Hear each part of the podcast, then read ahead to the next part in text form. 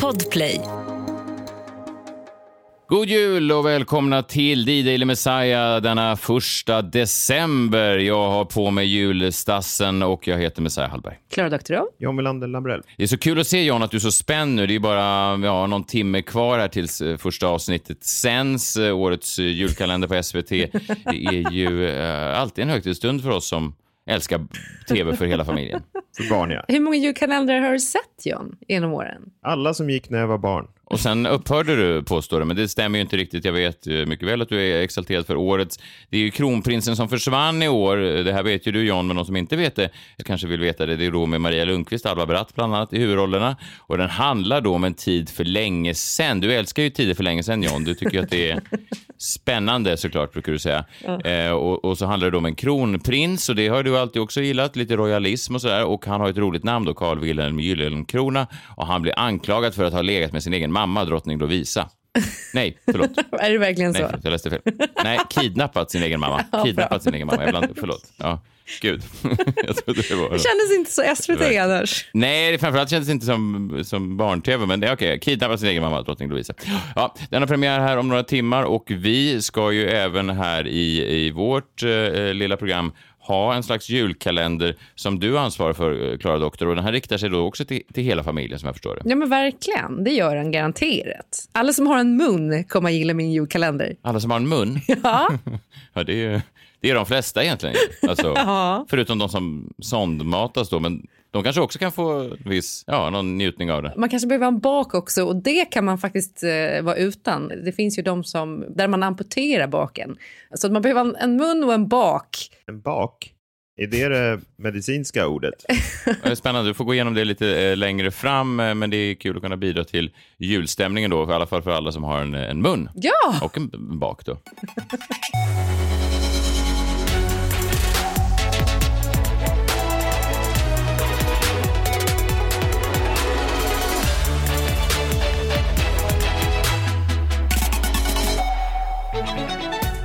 God morgon på er, första december. Eh, vi befinner oss på lite olika håll. Jag sitter här i Halmstad av alla ställen. Halmstad är ju inte alls lika charmigt ska man säga eh, på vintern som sommaren. Det är ju fortfarande, folket är väl trevliga, men det är ju inte, det är ju inte den här Per Gessle-stämningen på gatorna. Det är ju mer att man ser, ja men som det är hela, men det blåser en del här. Det är liksom lite så här... Vad eh, är en Per Gessle-stämning? Ja men Per Gessle-stämning är väl att alla går runt och ser ut som att de... Folkparks... Ja, men en, en tjalalalala, alltså att alla har det top of mind. Ja.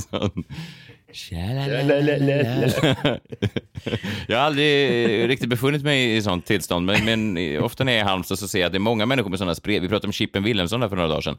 Han har ju en väldig. Kanske är det du, liksom Dubai-miljonerna som, som har gett honom den tjalalala-auran. Men jag tror han hade det, jag tror man föds med en tjalalala-aura och många av dem bor ju då i Halmstad, men kanske främst sommartid. Eh, Nu är det mer, eh, ja, att man vill gå till hotellrummet. Men det var en kul, eh, kul show igår. Vi har fått eh, mail här på gmail.com. Vi pratade ju lite tidigare om man skulle kanske köra då som sagt varje dag eller varannan dag eller någon gång i veckan kring podden. Då Emil skrivit till oss. Och det här är ju kul att höra. Han skriver, hej The Daily Messiah. Sverige behöver verkligen ett morgonradioprogram för de lite mer intellektuella och bildade. Tills det kommer är The Daily Messiah det bästa vi har. Med vänliga hälsningar. Ja, kul. Fan vad ja, taskigt. var ju... Tack Du, Emil. Någon slags mellanbrygga då. Då har han inte hört min julkalender. Alltså det är verkligen för de intellektuella. På tal om intellektuella, dags eh, för eh, en sån här. Välkommen till filosofiska funderingar. The best way to get something done, if you if it holds near and dear to you that you uh, um, like to be able to. Anyway. Välkommen till filosofiska funderingar. Var det Biden? Ja, det var president Joe Biden, ledare av den fria världen. Men eh, ja, hans skarpaste år rent retoriskt är väl bakom honom. Men jag tycker ibland ser man ju tal som han genomför bra. Det är väl mer när han ska freebasea lite grann som det blir lite, Ja, lite tokigt. Anyway, Ja, anyway. Vi avslutar med krimmorgon idag. Vad handlar det om? ett väldigt spännande fall då. Ett, ett olöst fall där jag har en teori. Oh, teorier. Det älskar vi. jag har också en teori faktiskt om vilka som kommer gå vidare i grupp F. Jag tror att det blir... Hmm. Ja, jag vet inte om jag vågar. jag vet inte om jag vågar. Det är, fan, det är så jävla tajt i de här grupperna. Kanada möter Marocko idag och Kroatien möter Belgien.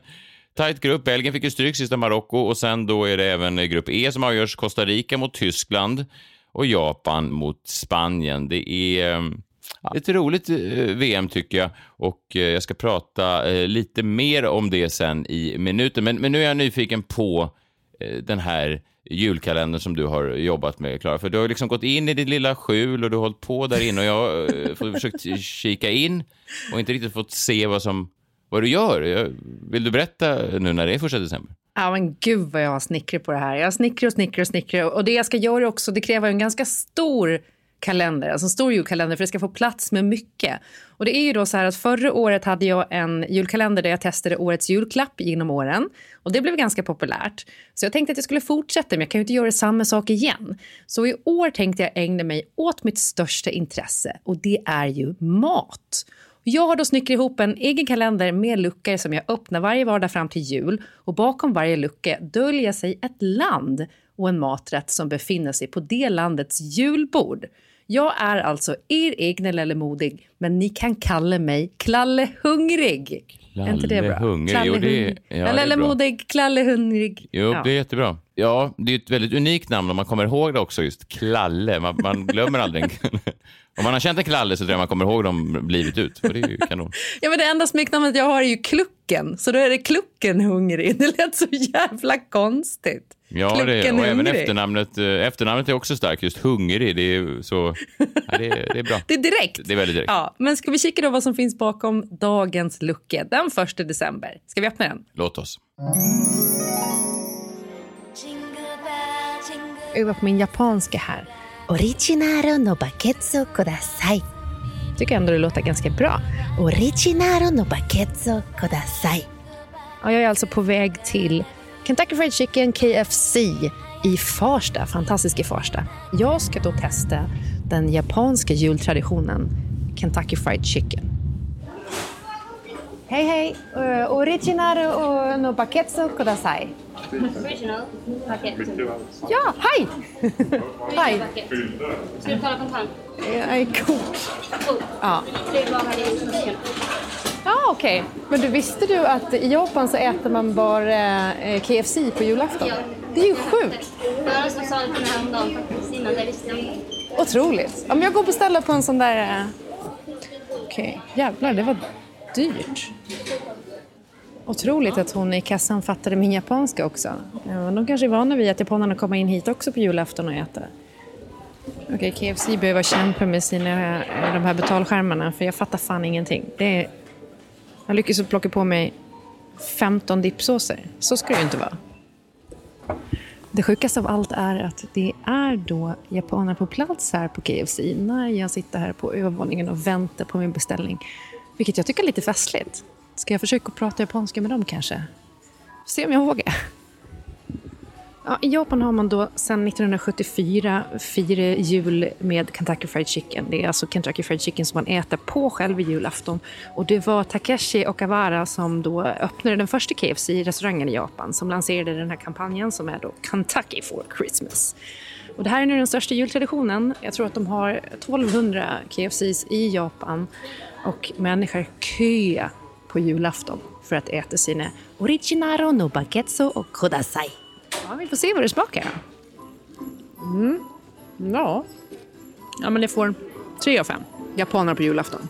Jag tror att jag måste bege mig härifrån nu innan jag får en hjärtinfarkt. Det känns som att jag har liksom kärlkramp halvvägs in i den här middagen. Men jag menar, äter man det en gång om året så kan det väl ändå få vara lite kärlkrampsstämning. Tack för mig och god jul Japan! Merry Christmas! God jul betyder det. Ja. Tack så mycket. Hej då!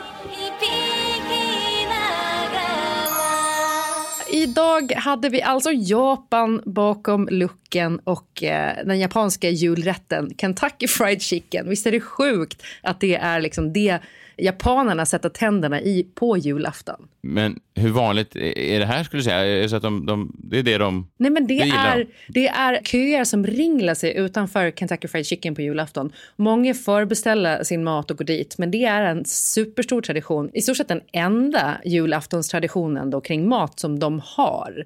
Bisarrt på sätt och vis, men är det inte sjukt också att när jag går in på Kentucky Fried Chicken i Farsta och beställer på japanska Originaro no paketsu kodasai så förstår hon i kassan vad jag säger.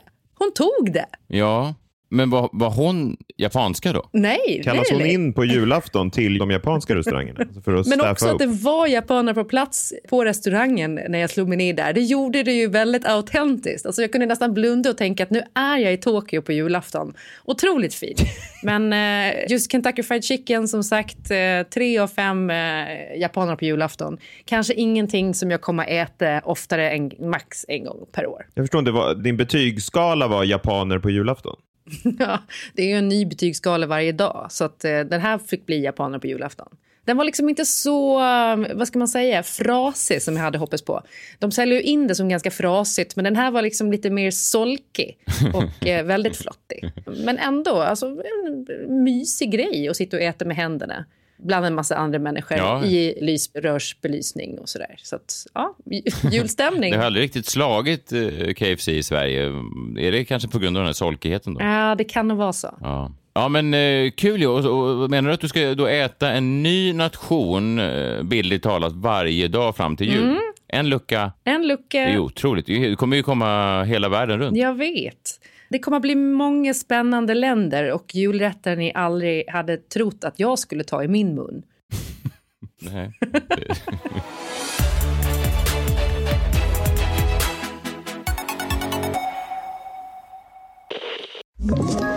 Ett poddtips från Podplay. I fallen jag aldrig glömmer djupdyker Hasse Aro i arbetet bakom några av Sveriges mest uppseendeväckande brottsutredningar. Går vi in med hemlig telefonavlyssning och, och då upplever vi att vi får en total förändring av hans beteende. Vad är det som händer nu? Vem är det som läcker? Och så säger han att jag är kriminell, jag har varit kriminell i hela mitt liv men att mörda ett barn, där går min gräns. Nya säsongen av Fallen jag aldrig glömmer på Podplay.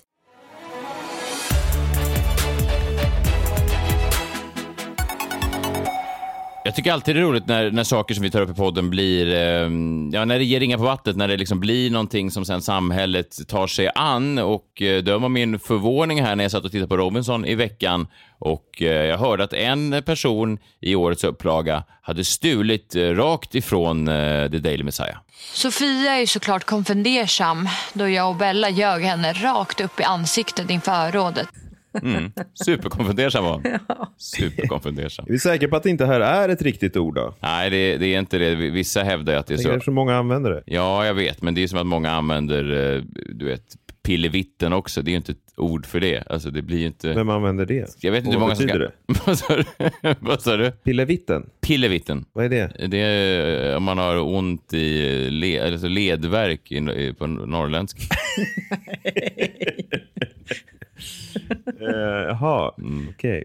Så det finns, det finns inte lika många användningsområden då, som konfundersam? Nej, det är väldigt, väldigt specifikt.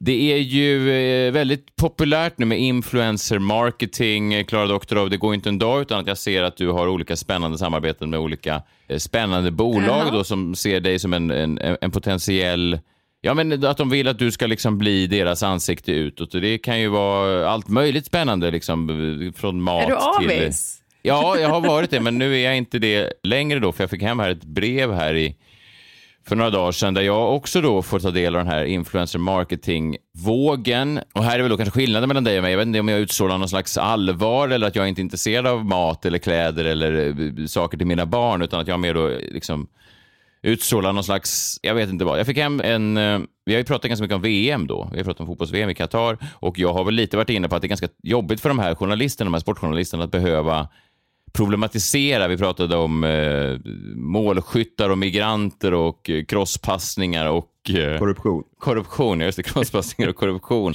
Alltså att, att, att liksom de här Albin Ekdal-typerna ser ut som att de... Ja, men det, det är så taskigt ibland. Jag såg häromdagen ett fruktansvärt inslag då med någon, någon migrantarbetare som hade dött och sen klipper de direkt liksom och så är det så här Ja, men du vet, ja, Albin Ekdal, vad, vad säger du om det här? Alltså, vad ska han, alltså, det blir ju så... Mm. Det, det är taskigt att lägga i knät på någon som bara är där för att man då kanske är bättre på crosspassningar än gemene man. Man är ju inte bättre på att analysera ett skeende i, i ett land under uppbyggnad som använder då billig arbetskraft. Det skulle ju vara så uppfriskande också om Albin Ekdal bara sa så här. Alltså jag är här för att prata om crosspassningarna och målskyttarna. Och så kan du, André Pops, ta det andra. Men det är svårt också. Det kan han ju inte riktigt göra. Man, ja, alltså man, när man väl sitter där så måste man ju... Ja, I alla fall, på det temat då så fick jag hem här då ett gäng fotbollskort och det tänkte jag var kul. Jag har inte hållit på med fotbollskort på länge. Och eh, jag vet, du och jag John, när vi var barn, vi, vi bytte ju fotbollskort och sen blev det hockeykort också väldigt populärt. Och så, och så hade man även de här klisterkorten, de här albumen där man skulle samla då inför VM skulle man samla alla, alla lag. Man, man gick och köpte, det kostade väl en femma och så fick man sex eh, klisterbilder på de olika spelarna och så skulle man fylla ett helt album och så kunde man få dubbletter och så. Här. Det var ju, det var ju kul och då har ju hänt någonting med fotbollskorten tror jag sen dess. För jag fick hem då en, eh, en mycket mer allvarsam kortlek och det här var väl då fint. Jag har aldrig sett något, jag men, på tal om att det här VMet är liksom som inget annat och att det finns någon slags jag vet inte, någon, någon slags allvarstyngd kring allt bolltrillande. Den här kortleken heter då The Real Cost of the Qatar World Cup.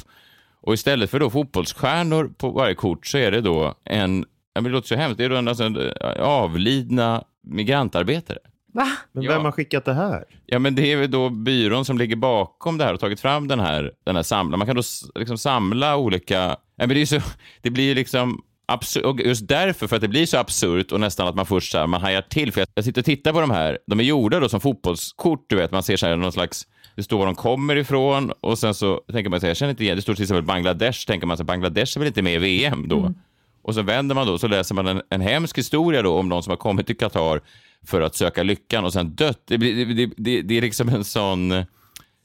Förstår ni att det, blir liksom, det uppstår någonting nästan sjukt i kontrasten mellan att sitta och hålla i fotbollsbilder där alla är ungdomar som har dött i Jag tycker väldigt bra kampanj. Starkt. Alltså, det får ja, det låter mig... ju väldigt starkt. Ja, men också Smart. att liksom humanisera de här offren som ja, har råkat ut exakt. för det här. Det blir ju exakt. jättetydligt. Ja, och det blir faktiskt mycket mer tydligt. Alltså, jag har mycket lättare att sätta André Pops på mute när han börjar prata om uh, matchvinnare och migranter.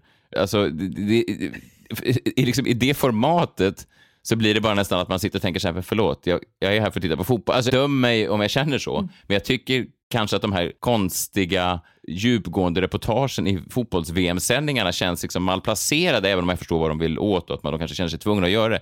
Däremot den här kampanjen då som är av Blank Spot, heter väl de som har tagit fram det här.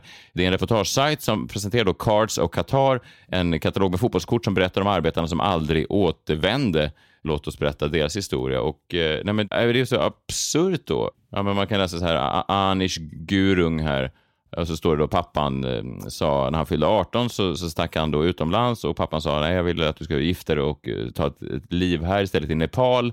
Nej, han åkte då till Qatar och började jobba på en byggarbetsplats och sen så Ja, så, så, så, dog han där då på grund av säkerhetsbrister. Och, och så är varenda kort, varenda historia är värre än den tidigare. Och jag vet inte, det är bara...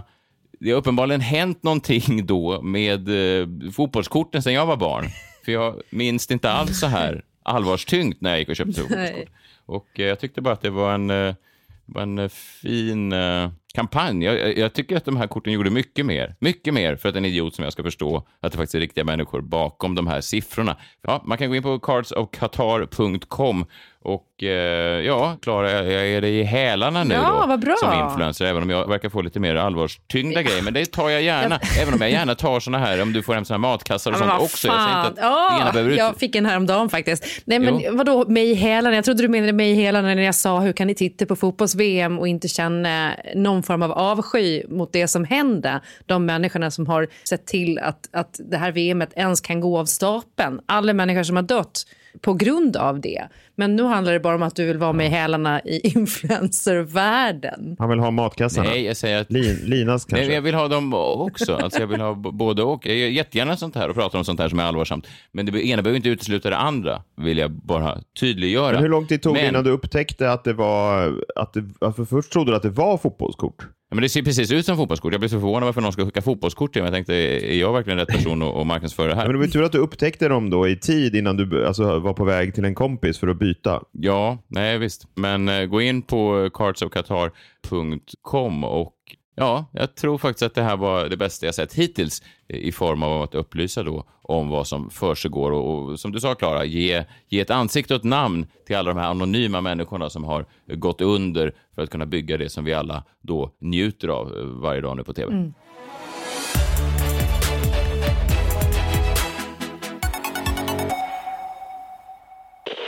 Ny säsong av Robinson på TV4 Play.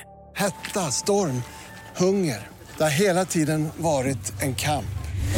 Nu är det blod och tårar. Fan händer just nu. Det. är Detta är inte okej. Robinson 2024, nu fucking kör vi! Streama söndag på TV4 Play. Ett poddtips från Podplay. I podden Något Kaiko garanterar östgötarna Brutti och jag, Davva, dig en stor dos skratt. Där följer jag pladask för köttätandet igen. Man är lite som en jävla vampyr. Man har fått lite blodsmak och då måste man ha mer. Udda spaningar, fängslande anekdoter och en och annan arg rant. Jag måste ha mitt kaffe på morgonen för annars är jag ingen trevlig människa. Då är du ingen trevlig människa, punkt. Något Kaiko, hör du på Podplay. Därför är gardinerna.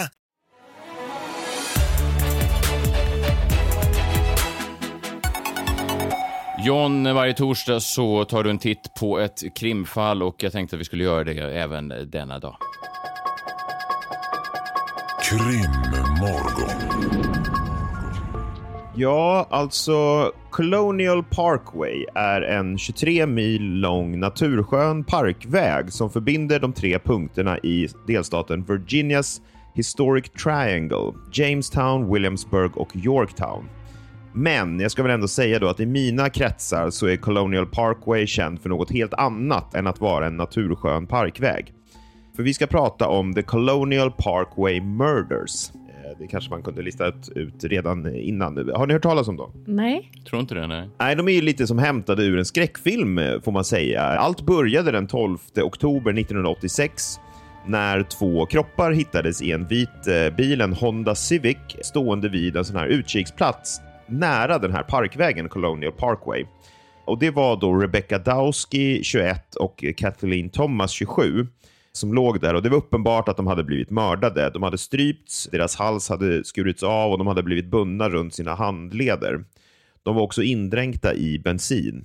Kathleen, då, ett av offren, hade också hår som inte tillhörde henne i sin hand.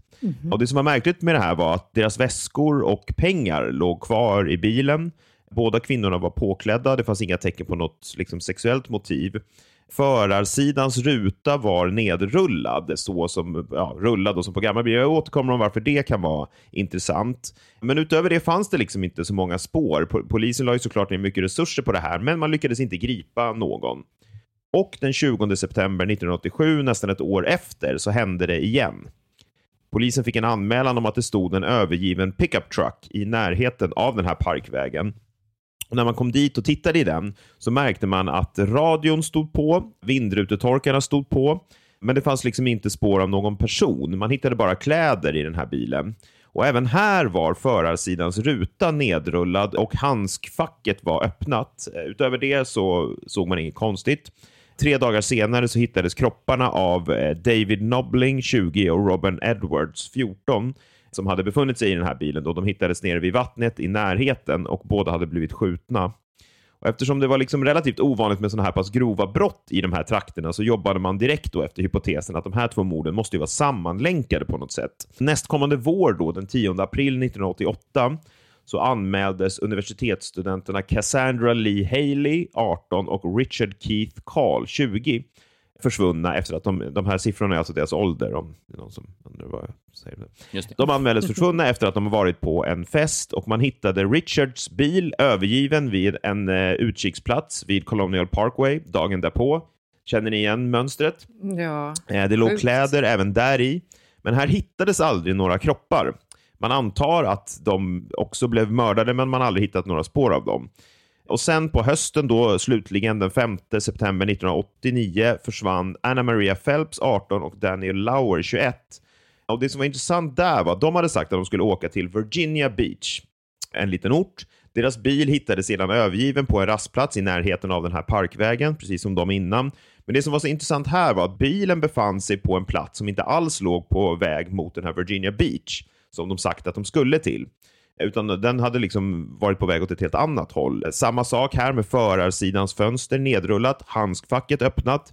I oktober, en och en halv månad efter man hittade bilen, så hittades också kropparna av Anna Maria och Daniel i en närliggande skog.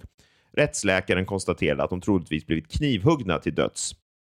Det här är The Colonial Parkway Murders. Det är alltså fyra separata dubbelmord under loppet av eh, bara ett par år och de har aldrig blivit lösta. Ganska unikt får man säga. Det liknar ju lite grann andra sådana här seriemördarhistorier som inte har blivit lösta och polisen tror ju att det handlar om en seriemördare, att det är samma person. Och det är kanske inte så konstigt då. Alltså samtliga blev mördade i eller nära deras bil. De tre första offren, dubbeloffren, hittades i vad man i USA då brukar kalla för lovers lanes. Känner ni till det begreppet? Nej. Ja, alltså det var väl eh, dit som man då åker ofta kanske när man är nykär i, i, i en bil. Så high school-ungdomar som inte har någonstans att vara och så sitter de där och, och hånglar och kanske går för lite, ja jag vet inte vad är det korrekta Second namnet är, men en base, sån third finger, base. ja precis, en, att man kanske slinker, slink, slinker in. Ja, men, Ja, men fortsätt. tänker jag, Jag vill höra fortsättningen. Nej, nej, nej, men det var väl även... eh, Du har aldrig fått något att låta mer osexigt någonsin. Ja, men vad fan, jag tänkte jag skulle ha en viss värdighet om det ändå handlar om eh, liksom, folk som har blivit mördade. Hur gick det, tyckte du? Ja, sådär. Men det var väl även eh, Zodiac-mördaren slog väl också till i någon sån där Lovers Lane. Ja. Alltså, det, var väl, det har väl varit några sådana genom historien att i USA är det så, här, så liksom välkänt att det ligger lite avlägset och att mördare då kan gå dit och lurpassa på potentiella offer. Så är det ju.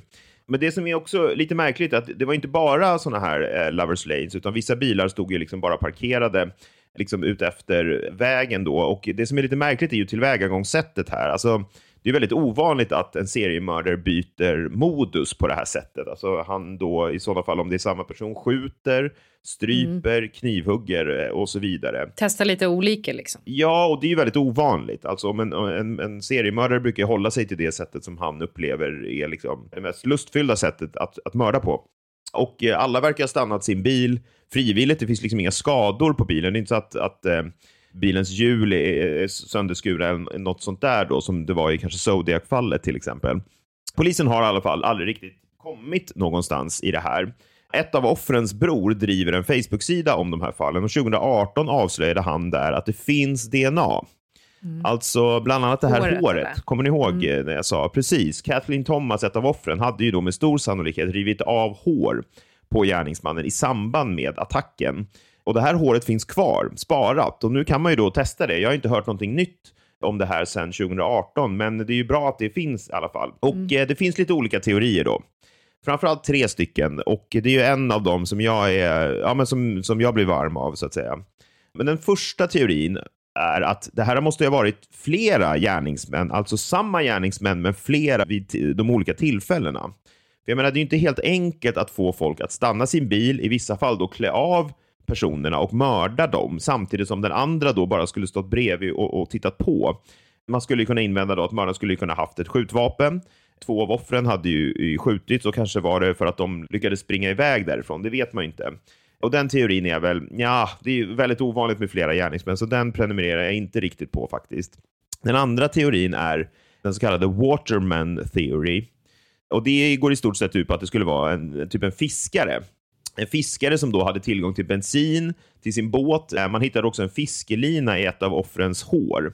Och det är ingenting man vanligtvis har själv i håret. Eh, Jag vet inte liksom modet på 80-talet i Virginia, men jag har aldrig hört talas om att någon säger så här, att man ska göra sig fin inför kvällen och lägger en, en, en liten fiskelina eh, längs hårbotten. Klara, det kanske, vet du någonting om det?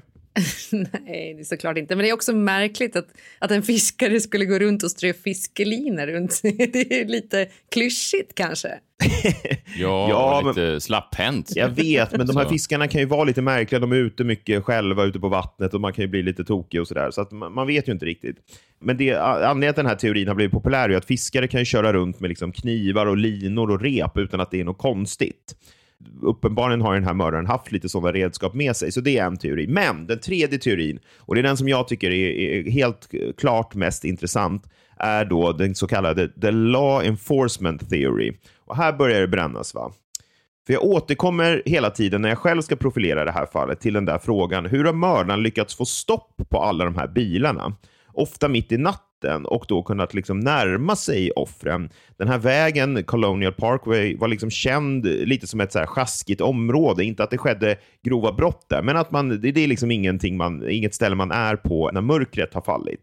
Och en förklaring skulle ju kunna vara då att det var en polis eller någon som utgav sig för att vara polis, för då skulle man ju stanna sin bil. Ja. Men det är ju framförallt två saker som får mig att tro att gärningsmannen antingen var polis eller låtsades vara det. Kommer ni ihåg vad det kan tänkas vara? Ja, men jag tänker ju den nedrullade rutan och handskfacket. Ja, fönsterrutan och handskfacket.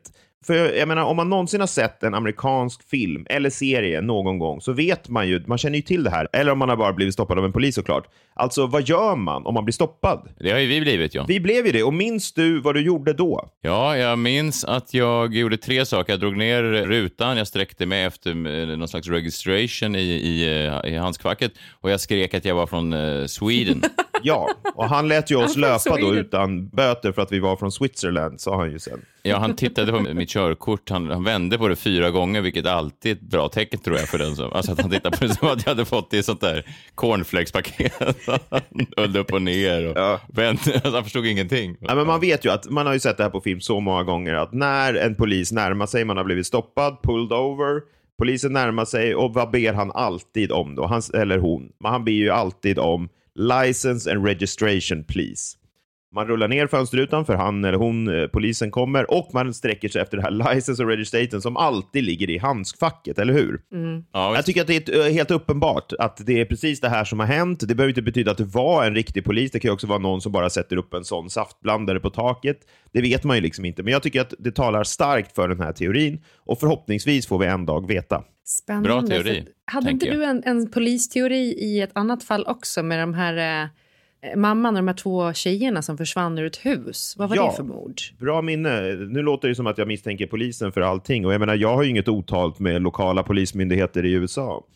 Men, men ja, det var ju Springfield 3 då. Ja, men det kan jag inte förstå. Hur fan får man ut tre vuxna kvinnor ur ett hus mitt i natten i bara underkläder utan att någon märker det? Ja, nu ska vi inte prata om det fallet, men det är Nej, väldigt... jag, jag, ska inte, ehm, jag ska inte avslöja hur jag brukar göra det, men jag har en helt annan metod. Gör gärna det, för jag skulle behöva höra någon typ konkurrerande teori där. Ja, jag brukar ofta säga att jag har varit med i parlamentet några gånger. Då brukar det ske ganska naturligt. Du lockar med pillevitten. Ditt norrländska ledverk. Ja, ja, så jobbar jag. Eh, Vi hörs imorgon igen. Då är det en eh, ny lucka som ska öppnas i Klaras julkalender. Jag vet inte vilket land vi får dyka till då, men det ska bli spännande att se. Dessutom har jag precis eh, fått klart här med en musikgäst till imorgon. Det är kul som kommer att spela live i studion. Det är inte då Fröken Snusk som förra veckan, utan det är en artist som är då, hoppas jag, annars har han ljugit, aktuell i Mello. Vi hörs imorgon. Hej! Hej! Hej!